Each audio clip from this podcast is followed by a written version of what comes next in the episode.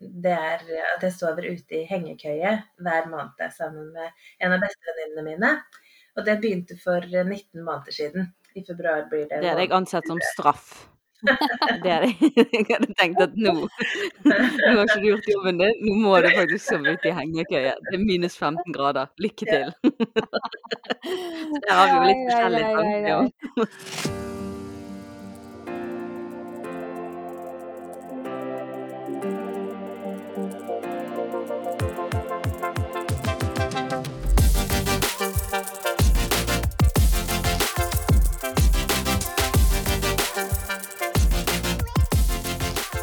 Hei, alle sammen. Så kjekt du eh, lytter inn til i dag. Jeg ville bare begynne med å lese opp en eh, hilsen vi har fått her ifra noen. Um, det er så gøy å få tilbakemeldinger av deg som lytter. Og vi har jo begynt nå å lufte denne her e-postadressen vår som heter postalfakrøll.mammashjerte.no. Så kan du skrive inn tilbakemeldinger der, og så um, Eller tematips, eller hva du eh, ønsker. Eh, Så har vi fått en her. Det er for litt tid siden så fikk vi denne tilbakemeldingen. Jeg syns den var veldig, veldig fin. Her er det en som skriver Hei, oppdaget Mammas hjerte for et par måneder siden via Tro og Medier.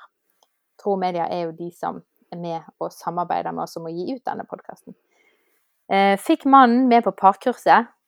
Det var helt supert. Vi har jo laget en eh, parkurs som ligger ute på mammashjerte.no, nettsiden vår. Så de har altså vært inne og sett det. Og de likte det veldig godt, begge to. Har hørt ca. alle podkastene våre, og det er jo en del nå. Det er en del. Kudos til den personen. ja, og gleder meg hver uke til ny episode. Mammas hjerte har blitt veldig betydningsfull for meg i hverdagen. Veldig god inspirasjon i småbarnslivet, og et fellesskap på tvers av geografi. Og det syns jeg var litt gøy hun sa, for det er jo litt det vi òg føler at vi er med og skaper. Elsker dere eh, har fokus på ærlighet, bryter ned tabuer og fasader. Takk til dere. Det dere gjør har stor verdi. Jeg trodde et lite øyeblikk at, det, at hun sa, eller hun eller han sa, Ja, hun, ja. eh, Jeg elsker dere. Så tenkte jeg, Ja. har du møtt oss? Elsker at dere har fokus. Det var jeg som leste, hoppet over dysleksien, vet du. Elsker at dere har fokus på ærlighet og bryter ned tabu og fasader. Ja, det var det veldig fint. Det var jo nydelig, fordi det oppsummerer jo egentlig alt vi ønsker. Så den, ja. du er- den var god. Du er sikker på at du ikke har skrevet den sjøl, Katrine? Ja, sant. Det hørtes litt sånn ut. Det var bestilt sånn eh, tilbakemelding. Men det er litt ugreit, egentlig. ja, nei, det er ikke det. Jeg har ikke skrevet den sjøl. Men jeg syns jo at eh, det kom jo frem at denne personen har jo virkelig forstått hva vi driver med. Yes. Um, så sant. tusen, tusen takk for den tilbakemeldingen. Og så Tusen takk, mamma. Nei, Nei. Så det er bare å fyre på med tilbakemeldinger i eh, posten vår, så leser vi de opp litt sånn gang for gang.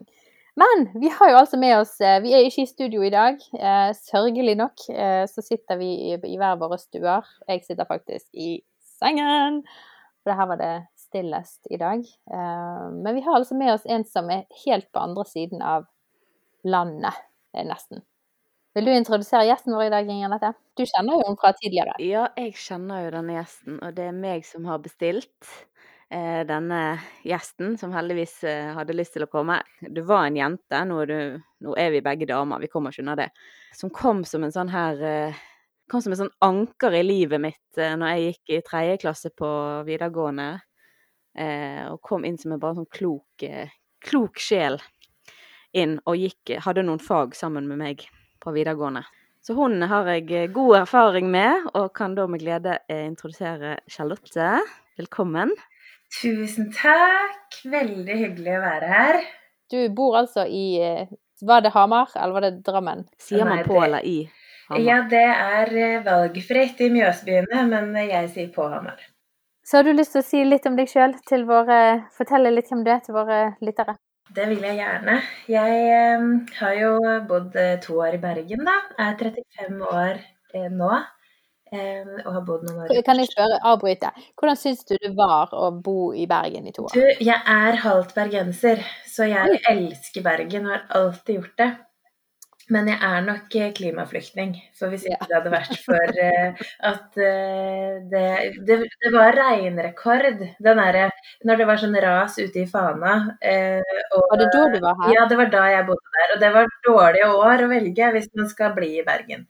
Den dagen det raset i Fana gikk, så løsna sålene fra gummistøvlene mine. Bare løsna limet gikk i oppløsning. Skjønner dere, folkens? Er det en grunn for at bergensere er opptatt av vær? Det er jo Nå hører dere her ifra Hjelpe meg. Nei, men OK. Det var ikke for Ja, Ja, ja, ja. Men verden Bergen er nydelig. Og jeg tror faktisk at, noen, at det er bergensere som har bestemt søknadsfristen til høyere utdanning. For at det er i 15. april. Det kan Det ikke være tilfeldig. Ja, det er veldig lurt. For da tenker man hele høsten og vinteren at nå må jeg bort fra Bergen. Aldri mer. Og så kommer våren, og så kommer den søknadsfristen. Så tenker man her er det så fint, så her må Ja. de bare bli. Og så søker de seg til å bli der et år til. Ja, de søker det, og så kan de rocke om eh, i ju 1. juli, ikke det? Men Jo. mai spesielt pleier å være knallbra. så det er helt sant. Så ikke la dere lure, folkens. Det møter vær som Ja. rundt. Men nå har det jo vært en fantastisk eh, vinter vi har hatt i år, altså. Ja.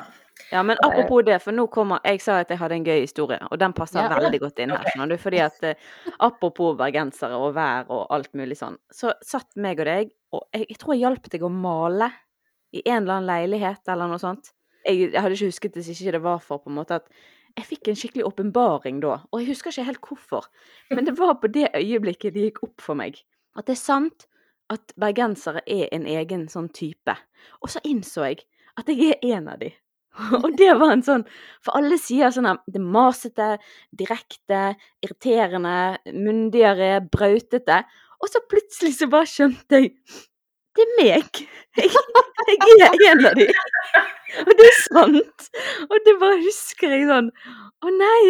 Jeg er litt usikker på om jeg skal ta det som et stort kompliment at jeg ga deg den åpenbaringen. Ja, det vet jeg ikke. Ja, Det kan være du bare sa det til deg, men ingen at det er du.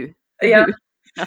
Når vi snakker om bergensere, så er det deg. Det er sånne som deg. Ja, ja. Nei, det var i hvert fall veldig muntert for meg. Det, er liksom, det har hengt ved hver gang jeg har tenkt på den historien, så har jeg liksom tenkt på deg. At liksom, ja, det var når vi satt og malte. Det var da jeg skjønte det. At jeg er en sånn en. Nei, men du skal få fortsette å presentere deg, Charlotte. Det var ikke meningen å avbryte deg. Nei, sånn. det er bare gøy.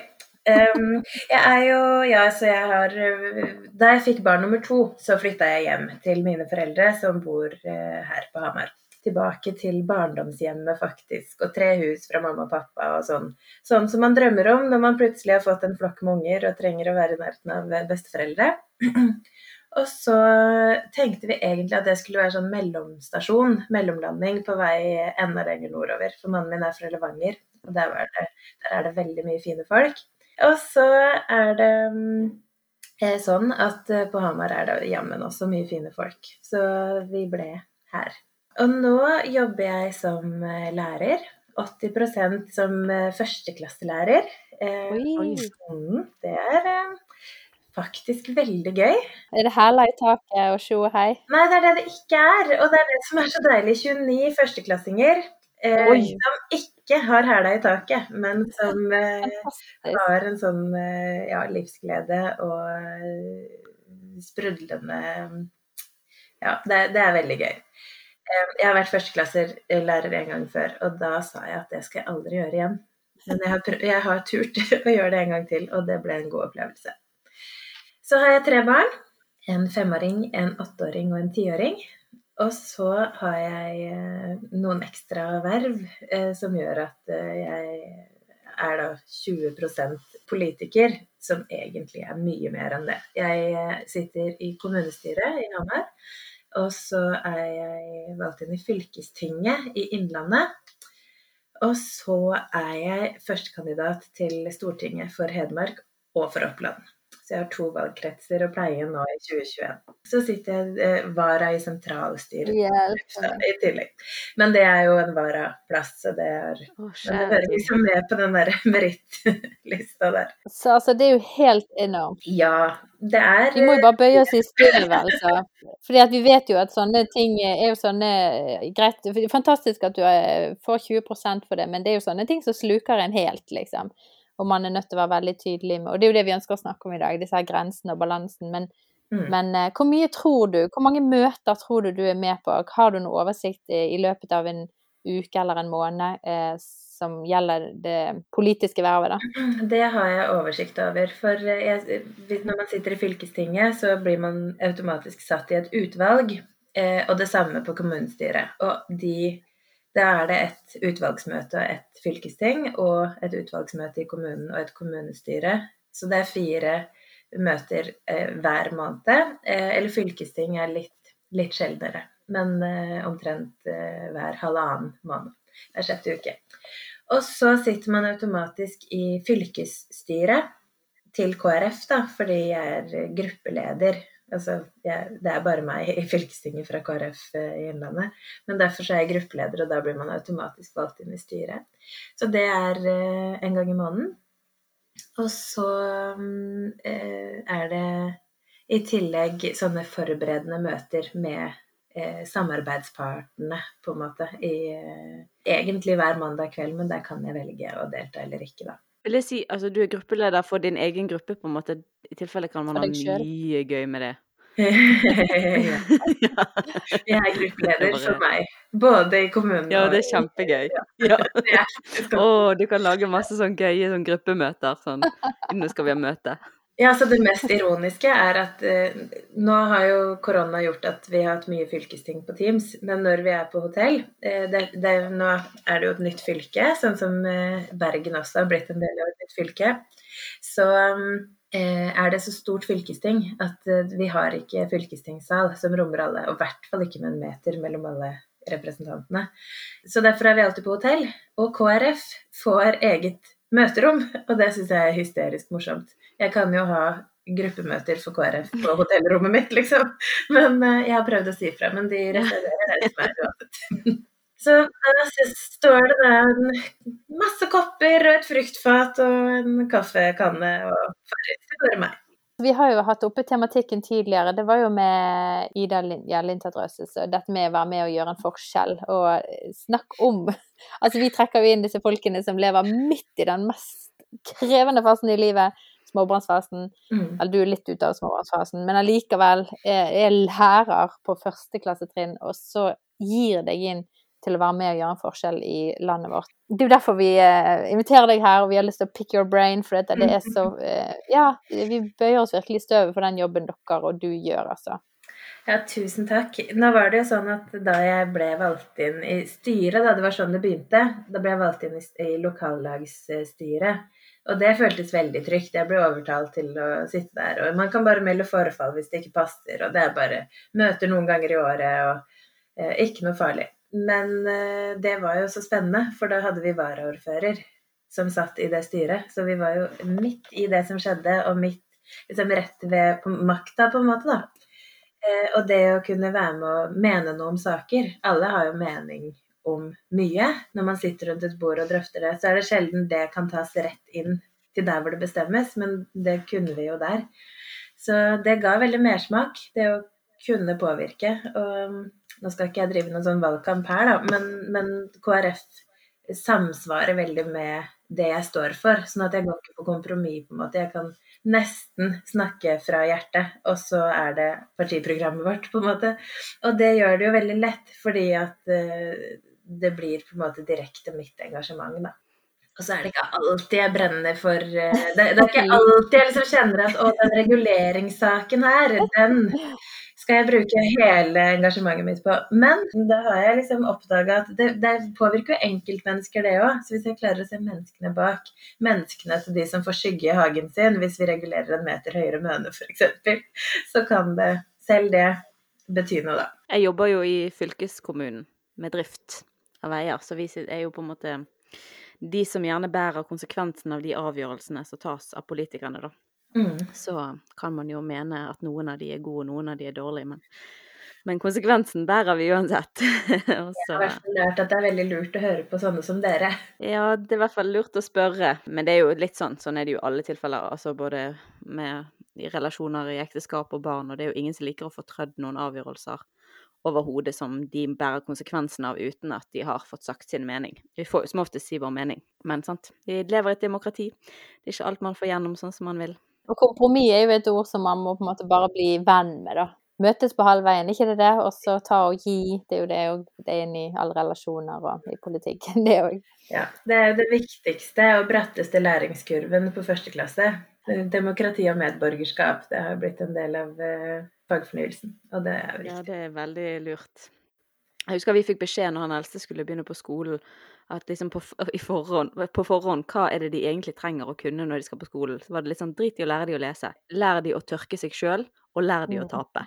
Det var de mm. to tingene vi fikk beskjed om. Du lat som at du ikke vinner i ludo. Vinn i ludo. Ja. Ja.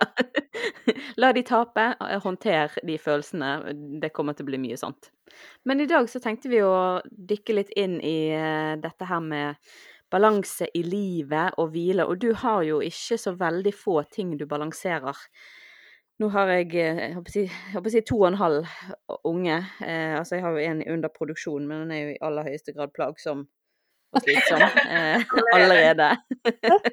eh, ja, holder meg våken om natten. Jeg er kommet i den fasen der jeg ikke kan jeg kan ikke snu meg uten at jeg våkner. sant? Utrolig irriterende. Graviditet er ikke for meg i gang. I hvert fall. Eh, så poenget er, nå sporer jeg av, poenget er livet. Uansett hvordan livet er organisert. Om du har barn, om du har jobb, om du på en måte pendler, altså hva enn du gjør, så er det jo folk som vil at man skal Som drar og sliter i de fleste.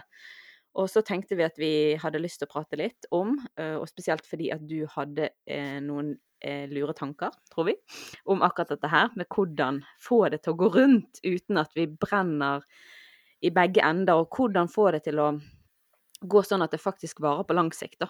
Jeg har jo tenkt en del på det her etter at vi ble enige om, om temaet. Og balanse Jeg tror nok jeg er en som mange eh, identifiserer på en måte med en som, som har i hvert fall en sånn indre ro. Det skal mye til for å vippe meg av sånn stresspinne det, det, skal mye til fra før. Så jeg har nok eh, Du har høy kapasitet på Det skjer mye. Og så kan jeg nok oppleve stress inni meg, men jeg husker faktisk det en Det er en, en sånn pedagogisk teori som handler om liksom hva vi vet om oss selv, og hva andre vet om oss som vi ikke vet, og hva ingen vet om meg, som allikevel er der, på en måte. Eh, og når jeg bodde i Bergen, så var det noen som fortalte meg noe om meg som jeg ikke ante. Og det var at folk kan bli stressa av meg i stressende situasjoner fordi jeg så, se, virker så rolig. Det lærte jeg mens jeg var i Bergen, sånn rett før ungdomsmøtet begynte i tabernaklet. så bare Å ja. Så jeg, det kan stresse andre, at jeg virker rolig. Selv om jeg kanskje på en måte har et sånn indre tempo. Men det er jo på en måte en avsporing. Men allikevel så tror jeg det er litt sånn eh, en pakke rundt meg som, som som har en slags ro, da. Men eh, det er jo allikevel noen valg man må ta. Jeg blir jo sliten, jeg òg. Og det er ikke sånn at jeg uansett hvordan det stormer og kaver, så, så, har jeg bare ro og surfer fra det ene til det andre. Det er absolutt ikke. Jeg har fått noen flere grå hår de siste åra. Men hva er dine go to, liksom, når du, når du eh, legger en uke, eller når du eh, står midt i noe litt kaotisk, på en måte? Ja, jeg har jo mange uh, forskjellige. Jeg har et sånn Um, som uh, på en måte er uh, månedens belønning for meg. Det er at jeg sover ute i hengekøye hver måned sammen med en av bestevenninnene mine. Og det begynte for 19 måneder siden. I februar blir det Det er deg ansett som straff? Det det. Jeg hadde tenkt at nå Nå har ikke du gjort jobben din, nå må du faktisk sove ute i hengekøye. Det er minus 15 grader. Lykke til. Så der har vi jo litt forskjellige tanker. Men du høres litt mer ut som min mann, for jeg kjenner igjen akkurat den der med roen òg. At liksom sånn her Det er kaos, og du bare står der og gjør ting i helt normalt tempo. Kom igjen! Kom igjen! Kan igjen, få hjulet i gang? Så blir jeg bare enda mer irritert. Vi er flere som kjenner oss igjen i den, Ingrid. Ja. Jeg har jo sett liksom nok stressende eh, situasjoner i sving de eh, 15 årene etter at jeg hørte det, til at jeg skjønner hva de mener. Jeg skjønner at jeg, at jeg kan påvirke folk på den måten. Men så kan jeg nok også bidra til ro når eh, det på en måte ikke er travelt, men bare litt kaotisk. Eller. Eh, men de der hengekøyenettene, det begynte en julinatt. Da sov vi ute med begge familiene, da. De har også tre barn. Og så lanserte jeg en idé jeg hadde hatt et år siden juli året før, om å prøve et år med hengekøye hver måned. Og hun var helt med. Hun er sånn topptur- og friluftsdame. Som også Ja, ikke sant, tre barn jobber i, eh, som eh, sånn akuttkonsulent eh, i Nav, og har også en del ting som stormer. Så, og vi fant ut at der får vi ro. Så vi drar faktisk ut etter barna er lagt, gjerne midt i uka.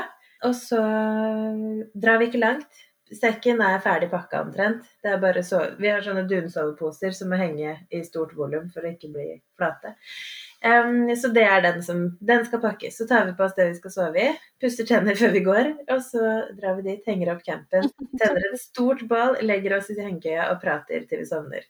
Og så står vi opp om morgenen etter og pakker sammen. Og veldig ofte da så Vi sover veldig ofte ute fra tirsdag til onsdag. Og da har jeg ofte politikerdag dagen etter. Men det er så deilig med roser i kinna og liksom den natta bak meg våkne under trekronene som bruser, og en eller annen fin soloppgang, eller fugler som kvitrer, eller snø som har lava ned i løpet av natta. Å gå ut av skogen i, på snø som ingen har gått i før, det, er, det har jeg jo aldri opplevd før jeg begynte med det her. Og det er veldig fint. Stilig.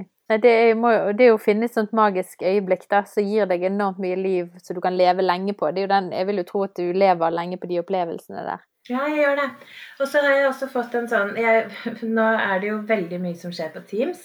Uh, så jeg snakka med en kollega i dag, eh, nei, for noen dager siden og fortalte litt om, uh, om hvordan altså Plutselig så kom, kjente jeg liksom at åh, når mellomstemann kommer inn og skal vekke meg om morgenen, og de kommer inn på badet Vi har bygd nytt hus, og så har vi vårt eget bad. Og jeg syns det er så deilig å ha mitt eget bad om morgenen og bare være der i fred og ro. Nå plutselig ble det sånn at hvis de kom inn bare for å si god morgen, så bare Å, kan, nå må du gå ut. Og så var det en kollega av meg da, som spurte liksom, føler du deg litt oppspist nå, Charlotte. Ja, det er derfor. Det er det jeg gjør. Og så skjønte jeg at det er fordi at alle møter siden januar, siden nyttår har vært på Teams. Så jeg er jo bare hjemme. Det er liksom jobb, og så drar jeg hjem og så setter jeg meg på Teams, men, men, jeg er her. Så de der lukene i bilen på vei hjem fra møtet, ja. eller, de, mm. de, har jeg ikke lenger. Så de må jeg, nå må jeg stoppe opp og gå ut av huset for å ta de. Og det må jeg. Ja, det er jo en kjempegod eh, bevisstgjøring, da, til oss sjøl. Jeg tenkte òg det der med å gå ut hver dag. For det, altså, sant, når du sitter hjemme på hjemmekontor, og du, så kommer ungen hjem og middaglekser og legging, og så Oi sann, der gikk dagen, og jeg har ikke vært utenfor døren. Så det ble jeg liksom påminnet av at hvor viktig det er å bare komme seg ut og få frisk luft, for det er så viktig. Så han, eh, Sjefen vår i Jarle Haugland i Tro og Medie, han sa jo det. Du må legge inn i arbeidsdagen din og komme deg ut som et friminutt, rett og slett. Sånn som ungene har friminutt. Kom deg ut, eh, ha et friminutt. Jeg har veldig behov for å komme meg vekk fra kaoset. Mm. For jeg, jeg tror spesielt eh, Akkurat som er det sånn der mødregen, at man på en måte Denne multitaskingsgenet som gjør at man ser ting som jeg ser at vi spiser middag, og at liksom nå fyker den pølsen Hvis vi for eksempel sitter, da, altså spesielt når han eldste ikke er her, så hvis det er bare oss tre, så setter vi oss av og til og ser f.eks. hver gang vi møtes. Favorittprogrammet til han yngste. Elsker musikk. Sant? Men når det da begynner å flyge pølser, så er det så fascinerende hvordan på en måte, selv om de pølsene treffer min mann, så på en måte Akkurat som det bare og, og, det er ikke kritikk av han i det hele tatt, for jeg har sett at det er, virker som det er en sånn generell greie, sånn pappagreie ja, At de bare de, de, ikke for å være, De gjør virkelig ikke for å være vanskelig. Men jeg, da, greier ikke å tune ut de flygende pølsene. Eh, og da, og da er det på en måte sånn eh, og vi kan òg ha en samtale der han begynner å slå seg vrang, og så fortsetter bare min mann samtalen, og så blir jeg sånn Jeg, jeg kan ikke høre hva du sier. Altså, det, det, én står der og roper med leksene, og én står og heller saft på gulvet. Jeg hører ingenting av hva som skjer. Jeg sier det fordi at jeg tror at dette er virkelig ikke bare meg. Og da har jeg kjent på at hvis jeg skal få pause, eh, så må jeg bare vekk. Jeg må helst helt vekk, eller må ha ørepropper eller et eller annet. For hvis jeg hører at det er kaos i stuen oppe, så jeg greier ikke helt å legge det fra meg. Men jeg har ingen problemer med å legge det fra meg og og det er ikke det at jeg ikke har tillit til at min mann håndterer det, for det gjør han, men det påvirker meg på en eller annen måte. Alle de lydene. Jeg blir bare sånn Åh, nå er det liksom kaos her. Så ja. Så veit vi jo at hvis man går i et annet rom bare fordi at nå trenger jeg en pause, så veit man jo at det kaoset hadde vært mye roligere hvis vi hadde vært to voksne for å håndtere det.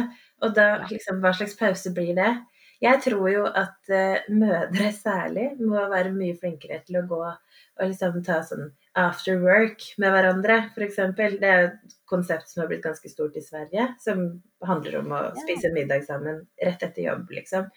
I Sverige, og mange gjør det nok liksom sånn ute og ta en øl. Eh, det er ikke nødvendigvis min definisjon av, eh, av after work, men jeg tenker at konseptet med å bare dra rett fra jobb, ikke innom barnehage og hente, ikke hjelpe til med leksene, ikke bare bidra til å lage den middagen først, og så kan jeg dra ut når jeg har vært med å dempe eh, dempe det der hverdagskaoset, det klarer jo mannen min veldig fint. Og det vet jeg jo. Jeg er jo borte ganske mange ettermiddager.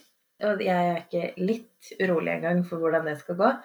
Så det å noen ganger gjøre det bare for meg, ikke fordi jeg skal i et møte og redde verden, liksom, men fordi at nå var vi mange venninner, eller to venninner, som hadde lyst til å eh, For de timene der, jeg tror de Det er sånn power charge hvis man er ute akkurat i kaostimene, da det er hurtigladning. Eller man sitter her og spiller podkast midt i leggingen. Jeg, kan ikke akkurat, jeg ble ikke sur når du sa vi måtte ta det klokken seks, for å si det sånn. Nå seks til syv. Det går fint. Vi kan ta det klokken seks. Vi har uh, hvor mange barn? Vi har seks, syv, åtte barn som nå er under kontroll av pappaen. Uh, mm. Som skal da legge, legge og ordne. Oh, yes. og vi sitter her og koser oss med Pepsi i glasset. Jeg så du hadde Cola Zero, Charlotte. Er det greien? Ja, det er greien. Cola Zero. Men det er jo greit for følgerne våre, for de blir nok litt lei av eh, Pepsi-pratsnakket vårt. Ja, jeg har Fun Light. Du har Fun Light, og det er sikkert kjekt for noen å høre at du drikker cola. Så, ja. Ti av ti ganger cola i stedet for Pepsi Max. Men da har vi to konkrete ting. Da har vi Man kan sove ute, for de som syns at det faktisk er noe annet enn en pur straff. Eh, jeg tror kanskje det er mer sånn for min mann, og han blir få til det. Og så har vi det å stikke av på ettermiddagen de verste timene ja. innimellom. Ikke fordi man skal noe, men fordi at man trenger pause. Og akkurat der har jeg bare lyst til å slenge inn.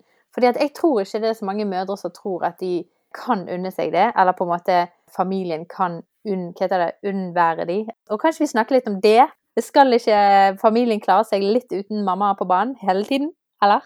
Jo, altså, jeg vet jo at dere har hatt Ida Lindtveit Røse på besøk, eh, som er litt sånn i samme situasjon som meg. Og min situasjon da har jeg gjort at faktisk helt siden tiåringen ble født, så har Martin vært på banen. Fordi jeg studerte fullt, eller samlingsbasert, men et heltidsstudie da hun ble født. Så han hadde permisjon og var med meg til Elverum fra Oslo eh, med henne i vogn.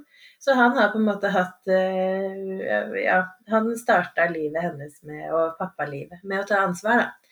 Og så har jeg jo skjønt at det er jo ikke en selvfølge. Og jeg har sett at det er mange som ikke på en måte har det ansvaret og den der delte foreldrerollen.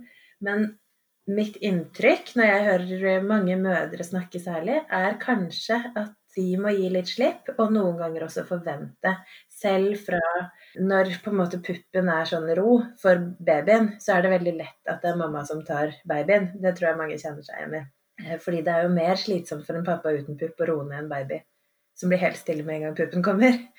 Men jeg tror det er viktig allikevel da, å, å bare vende eh, far og barn til det fra ganske tidlig. For alles skyld, men, eh, men kanskje også særlig for oss mødre. da. Så Du snakker jo inn i hele tematikken, så vi, vi har snakket om dette med at mamma må gå step down og pappa step up. Vi har jo, vi har jo en egen podkast om akkurat dette temaet, skjønner du.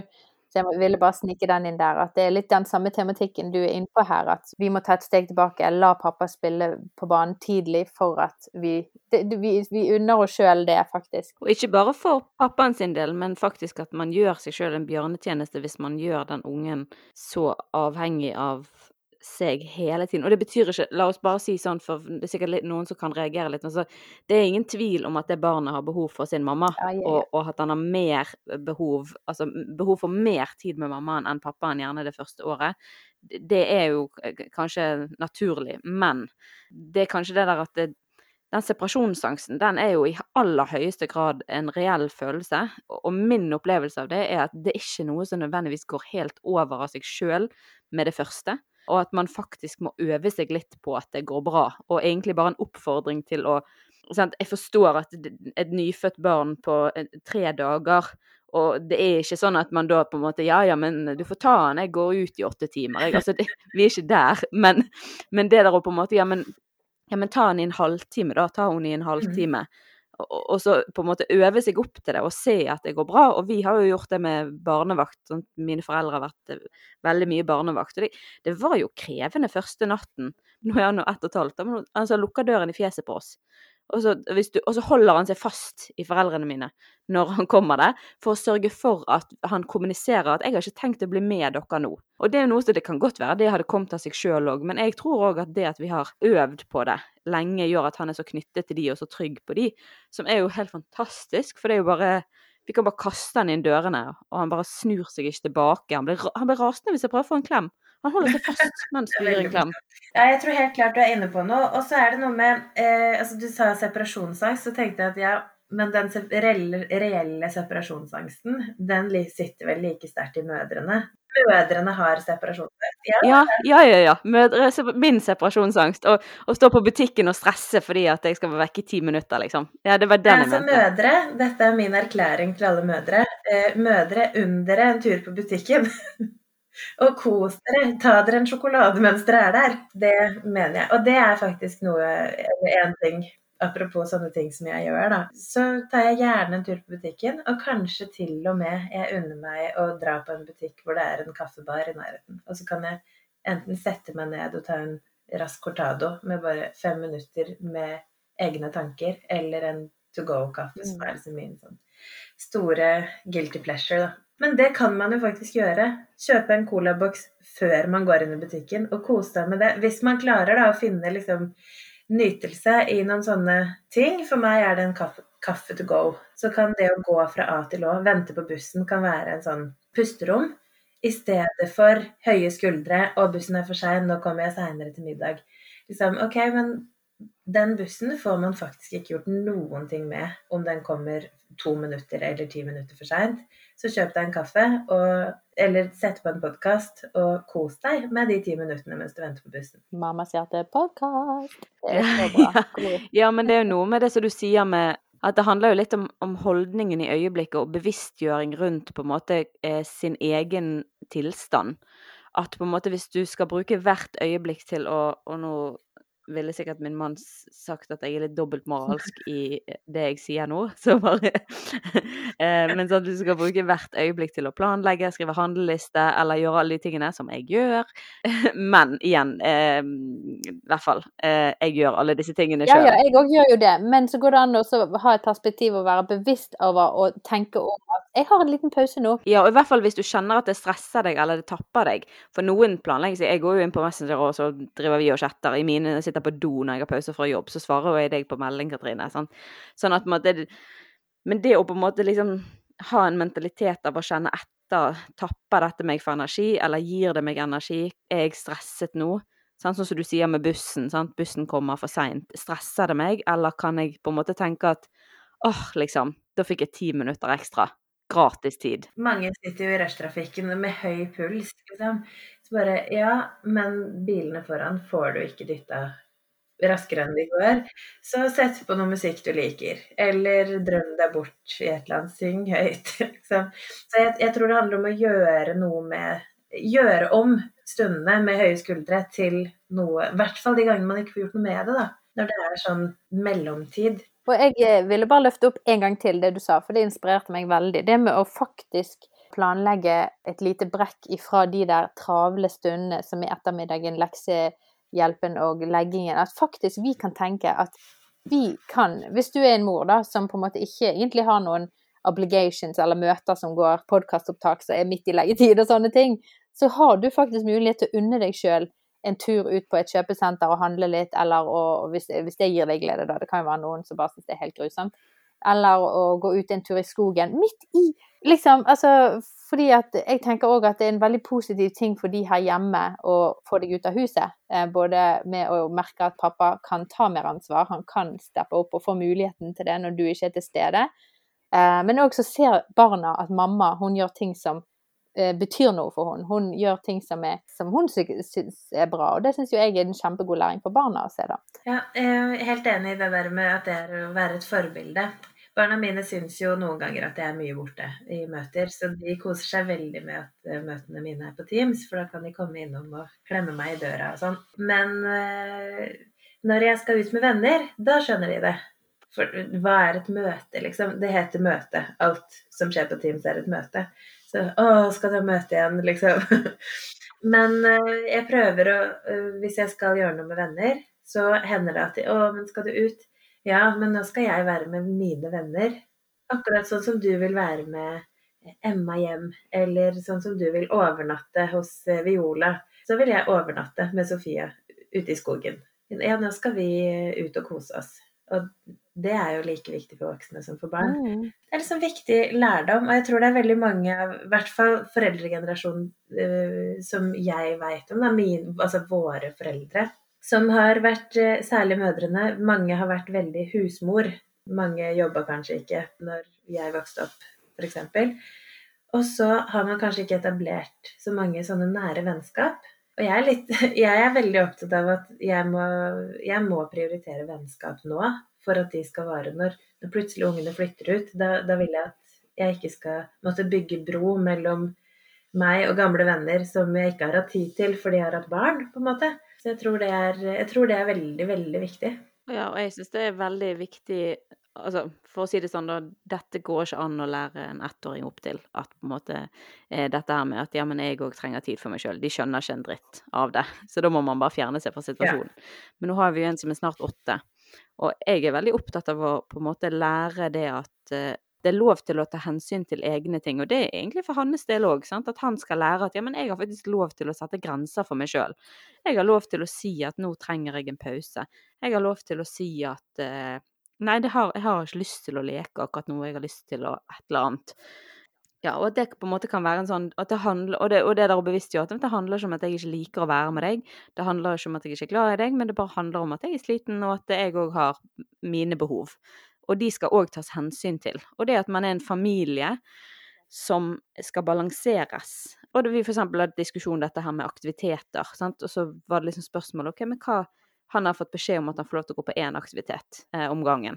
Så diskuterte vi litt hvorfor, da, for han spurte liksom ja, men hva er det som gjør det, det er jo andre som får lov til å gå på to. Og da hadde vi en veldig fin prat om på en måte at ja, men se for deg, nå får vi tre barn, og meg og pappa òg. Hvis alle skulle gjort tre ting hver, hvor mange dager er det i en uke? Og så liksom Bare for å på en måte vise litt Men da er vi aldri sammen. Og det er viktig for oss å være sammen mm. også. At hvis du skal på tre ting, og Samuel skal på tre ting, og den nye babyen skal på tre ting, og jeg skal Altså, da kommer ikke vi til å se hverandre. Sant? Og bare liksom reflektere rundt at det handler om, om mange ting. Ja. Da. Det handler om at vi, vi, er en familie, og vi skal ta hensyn til hverandre, og alle skal alle sine behov skal på en måte balanseres, og at det er viktig. Ja, absolutt. Og jeg tror det du sier der er kjempeviktig. Og vi har en veldig sterk verdi for, for de samlingspunktene. Vi spiser frokost sammen, alle fem, hver morgen. Eh, og så, så langt det lar seg gjøre. Og vi får det nesten til hver dag at alle spiser middag sammen. Og eh, det tror jeg er sånne ankerpunkter i hverdagen som gjør at vi føler at vi føler at vi på en måte har et samlingspunkt, at vi, at vi er Jeg tror vi føler Jeg føler at vi er mye sammen, selv om vi har mye baller i lufta. Jeg har jo litt større barn som, som har litt aktiviteter, og, øh, og, en mann som er opptatt i, i NITO, men er ingeniør, da. Eh, så han også har sine verv, liksom. Men, øh, men allikevel så tror jeg at når man har det, da, hvis man har en verdi og man, man har definert hva, hva er det viktigste, når skal vi samles, så er det lettere også, tror jeg, å prioritere de der pusterommene. For da veit man når det passer, og når det ikke passer. Og når man stikker kjepper i hjulene for hele familieharmonien. Eller om det faktisk bare er en sånn Ja, barna skulle bygge togbane, og mannen min skulle spille Tetris. Ok, men da kan jeg jo like gjerne dra ut og ta en kaffe med en venninne. På en måte. Jeg tror det er så mange mødre som sitter og føler at ikke de kan unne seg og, hvile og koble av, og sånn som du sier, prioritere venner. Fordi at man er så oppslukt i å på en måte gjøre det beste, og selvfølgelig så er jo man Man vil jo gjøre det beste for sine barn, for sine mann. Livet på hjemmebane, det kan jo sluke en rått, og det, det snakker jo vi om mange ganger. Det er utrolig viktig at vi som mødre setter grenser for oss sjøl, og det er jo det vi snakker om her. Men faktisk å få inn en mentalitet at for å, å gjøre det, så må vi skjønne at vi trenger å unne oss sjøl. Vi er verdt det. Vi er faktisk verdt å bruke tid med venner. Vi er verdt å få egen tid. Altså det, det, er så viktig. Det er jo dette med å ta masken på seg sjøl før man hjelper andre. Hvis ikke du overlever som menneske og person og på en måte har liv innabords, så, så klarer ikke man å ta godt vare på de andre heller. Nei, nettopp. Det er akkurat det som er poenget. Å løfte blikket Ja, litt. løfte blikket og unne seg, og skjønne at du fortjener å unne deg disse pausene som er så viktige. Og, og da må jo du sjøl finne ut, du som hører på, hva den pausen vil si. Eh, For, for Charlotte så er det til å henge i en hengekøye, for Inger Nette så er det å Henge i en hengekøye, faktisk. Hun henger jo i ut ligge- ligge i en hengekøye. Der ser du hvor mye jeg gjør det. Uh, Ja, ikke i det hele tatt, tydeligvis. Nei, det er dessverre. Men, men finne ut hva, hva andre ting som gir en energi og glede, da. Amen. Hva andre ting eh, syns du er viktig eh, å, å trekke frem når det kommer til dette med balanse, da? For det, er jo en ting som jeg har vært veldig frustrert av, og jeg òg har mye baller i luften. Eh, og så ser jeg på andre vanlige familiers liv og ser og de lever så balansert, og det ser ut som de har liksom alt på stell. Og så får jeg helt sånn noia, for jeg klarer ikke å passe inn i den balanserte tilværelsen som jeg ser mange andre lever. Og så har jeg forstått da at for meg som er gründer, som jeg, som jeg tenker på ting og finner opp nye ting hele tiden, så kan, må jeg liksom legge litt fra meg hele konseptet av å klare å leve i balanse. Men jeg har kanskje min egen balanse. Hva tenker du om dette med balanse, eh, Charlotte? Er det noe definisjon for alle oss? Jeg liker å liksom heller tenke på det som en sånn rekalibrering. Altså man på en måte, Når det begynner å hakke litt i systemet, så, så stopper man opp, og så rydder man kanskje bort noe, setter inn noe. Eh, en opprenskning i systemet. For jeg er litt usikker på hva, dette, ja, hva det balansebegrepet betyr. Men jeg tror liksom, Jeg fikk akkurat melding nå fra hun som jeg henger i hengekøye med. Vi prøver å finne ut når vi skal få det til. Da. Nå henger du faktisk i hengekøye. Um, og da skrev hun 'Jeg stemmer for lave skuldre høyt i et tre'. Og det var svaret på at uh, vi skal gjøre det om to uker, og ikke i, i natt. Fordi i morgen er fylkesting klokka ni. Så lave skuldre, liksom. Eller når, når er det man kan puste liksom magedrag og kjenne at det er ekte?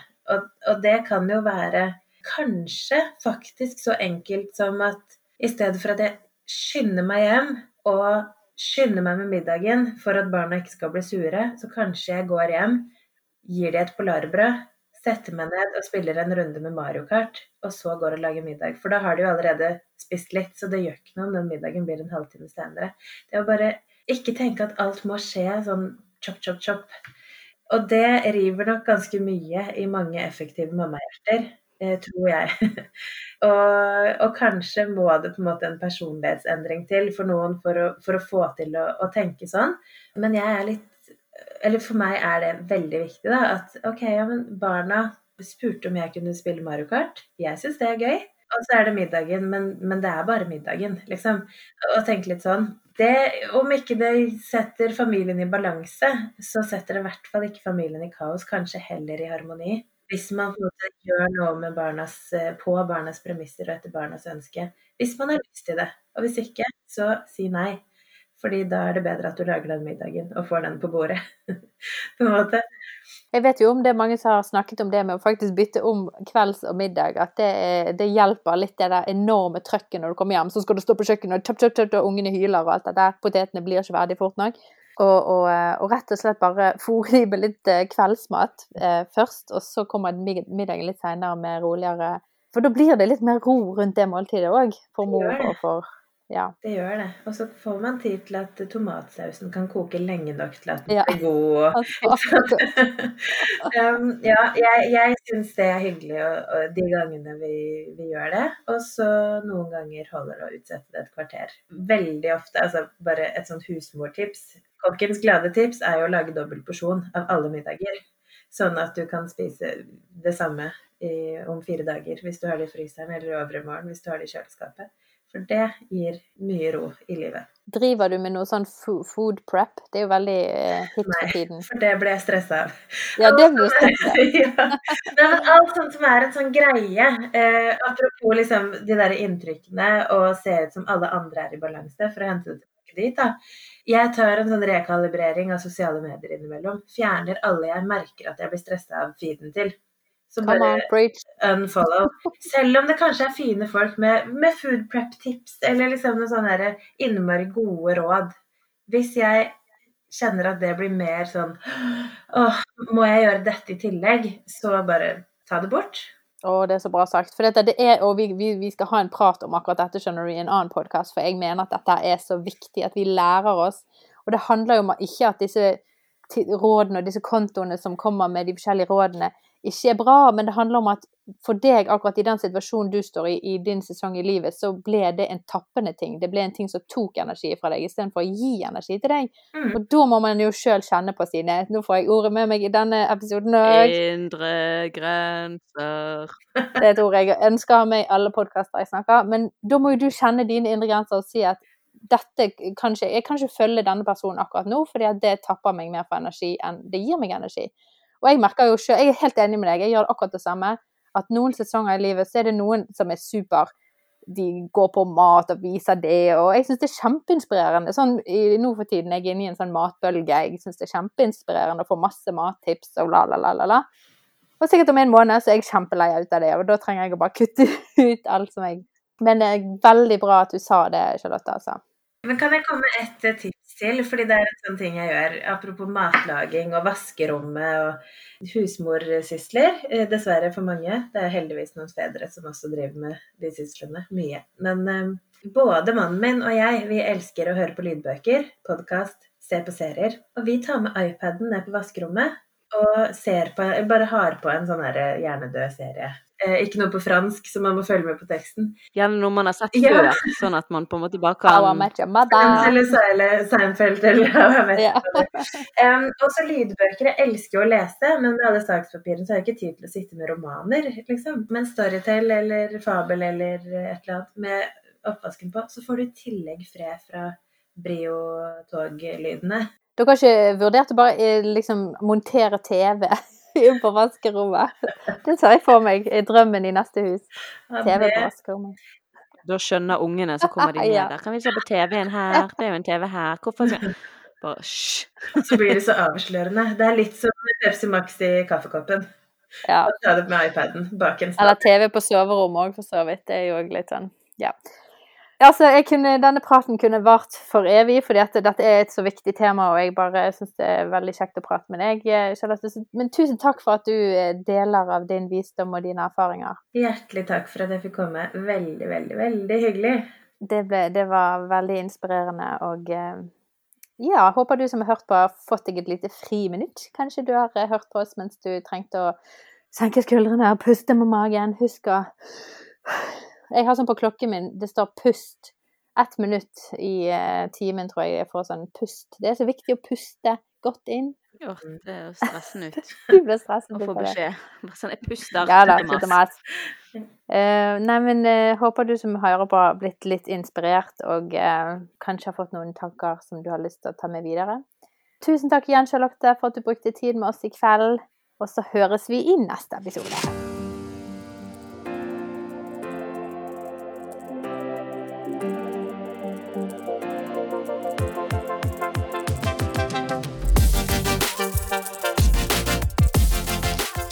Du har noen tilbakemeldinger, tanker, følelser eller reaksjoner etter det vi har snakket om i dag, så har vi veldig lyst til å høre de. Eh, Vi svarer alle mail vi får. Da kan du skrive en mail til postalfakrøllmammashjerte.no. Denne podkasten er laget i samarbeid med Tro og Media og Familiesenteret.